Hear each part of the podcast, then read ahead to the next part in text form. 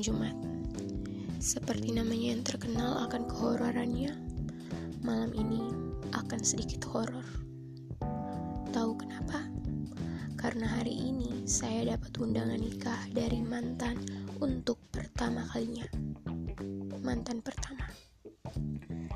Kalau cerita pertama kali kita ketemu, sepertinya masih samar saya ingat. Saat SMA, pulang kursus dan ketemu di jalan. Kemudian kami berteman sampai kurang lebih satu tahun dan karena kami merasa cocok, akhirnya kami berpacaran. Hubungan kami tidak terlalu manis saat itu, tapi dead sweet untuk hubungan seusia kami. Dia orang yang baik dan gampang berbaur Itulah sebabnya keluargaku sangat senang dengannya.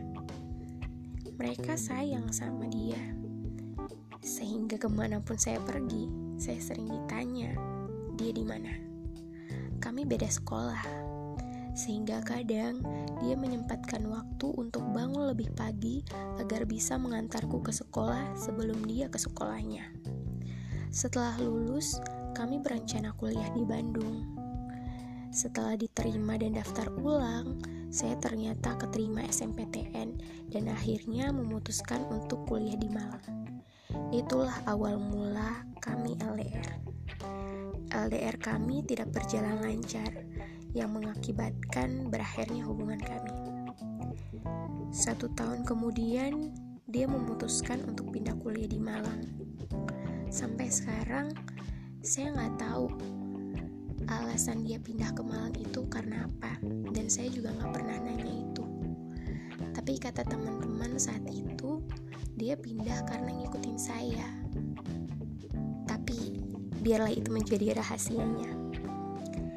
Tapi itu ternyata nggak menjamin hubungan kami lancar. Semakin banyak masalah baru yang sering muncul setelahnya. Dua atau tiga bulan sebelum kami benar-benar putus, kami naik ke Semeru, puncak tertinggi di Pulau Jawa. Naik sampai puncak Semeru bersama pacar saat itu adalah momen remaja yang terbilang romantis saat itu di hidup saya. Tak lama setelah turun dari Semeru, saya ulang tahun dan dia ngasih saya banyak hadiah saat itu.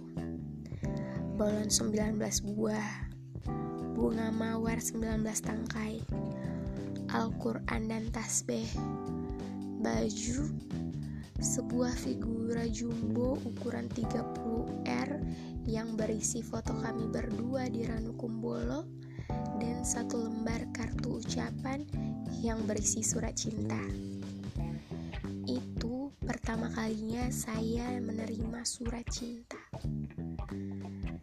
Kisah kami terbilang bahagia dan romantis jika diingat-ingat lagi indah-indahnya. Tapi kemudian kami memutuskan untuk menyudahi hubungan kami.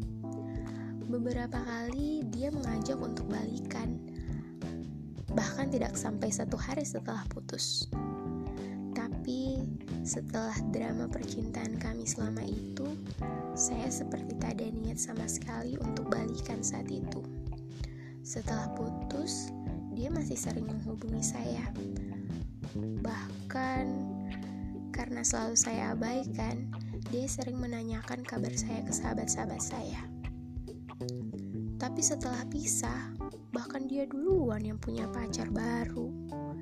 Saya masih ingat beberapa kali dia menelpon tengah malam menggunakan nomor yang tidak dikenal untuk menanyakan pendapat saya karena pacarnya sedang marah. Tengah malam. Tapi tentu saja saya memberinya saran yang baik sebagai seorang teman. Dan hari ini, akhirnya setelah putus tujuh tahun yang lalu, kini dia sudah menemukan wanitanya. Pendamping yang akan mendampinginya bercerita hingga hari tua. I'm so happy to hear that. Hanya segelintir orang yang masuk ke cerita remaja mencari jati dirinya. Dan saya salah satunya. kita dipertemukan untuk saling mendewasakan. Dan kini, he has found hers. And so will I soon. Amen.